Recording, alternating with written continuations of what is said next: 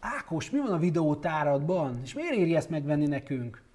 Sziasztok, Barazsi Ákos vagyok, és egy picit szeretnék mesélni róla, hogy hogy alakult ki ez a videótár, miért jó neked, és mit tartalmaz, mi várható a jövőben. Ugye azt kell tudni, amikor megírtam a Bevétel erősíti a szabály című könyveket, akkor kipróbáltam, hogy mi van akkor, hogyha én így csinálok ilyen videókat, és hasonló témákat dolgozok fel, mint ami a könyvben van. Ugye én egy aktív üzletember vagyok, minden nap rengeteg olyan impulzus ér üzletemberként, cégvezetőként és magánemberként is, ami úgy gondolom, hogy valamilyen szempontból tanulságos, és azt megfelelően lefordítva a saját cégedben nagyon nagy nyereséget hozhat. Ezek a videók nagyon jól elkezdtek futni, és tényleg arra használtam, vagy használom a mai napig is, hogy ezáltal jobban vegyék a könyvemet, jobban megismer, megismerjenek.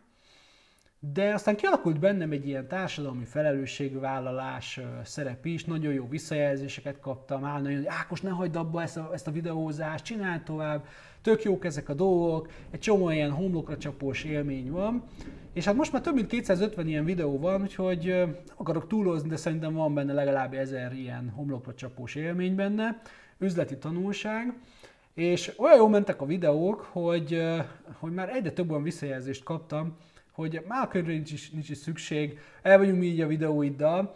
és hát, hát az, az kövezzem meg, aki nem gondolta volna helyettem azt, mint üzletember, hogy hát azért ez nem annyira előnyös nekem cégesen, hiszen ezek kannibalizálják már a, a könyv eladásaimat. Ezért megtettem azt, hogy egy titkos csatornára raktam, vagy rakom a 30 napnál régebbi videóimat, elneveztem videótárnak, és azt most már csak előfizetéses rendszerben lehet elérni. Illetve aki oda előfizet,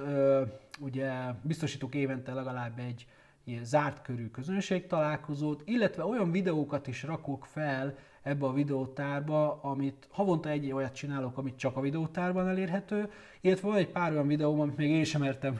kirakni különböző javaslatok, vagy különböző nyomások hatására, de a videótárba ott elfér, és, és zárt körben még publikus maradhat. Úgyhogy rengeteg ilyen VIP vagy exkluzív videó van benne, és ugye mindig jönnek az új videók, ez nem kell évente előfizetni, ez egy egyszeri befektetés, aki egyszer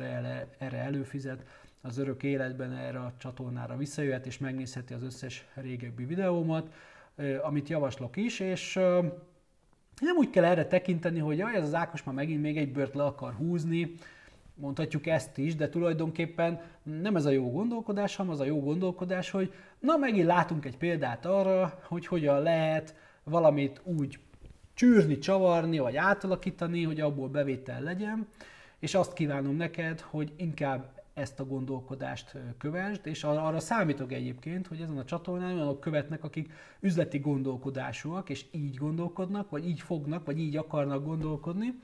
és hogyha ez megvan, akkor ők fogják érteni az összes videómat, mint ahogy értik, hogy a könyvem mi van leírva, és nem intézik el annyival, hogy jó, azt megnéztük, hm, tök jó, hanem hogy látják benne a feladatot, a teendőt a saját cégükben, és tesznek is lépést, és bőven, bőségesen megtérül a videótáros befektetésük, ebben ezer százalékig biztos vagyok, tehát hogyha valaki, valaki ezt elhatározza, hogy előre akar lépni a cégében, az életében, ezek alapján fog is tudni. Tehát ez egy jó mankó erre, és,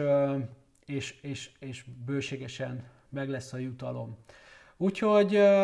ennyit a videótáról, hogyha szeretnéd ezeket a videókat visszanézni, akkor kattints a linkre, és előfizetés után azonnal megkapod az elérést hozzá. Köszönöm szépen a bizalmadat, és ne felejtsük el, a bevétel erősíti a szabályt. Sziasztok!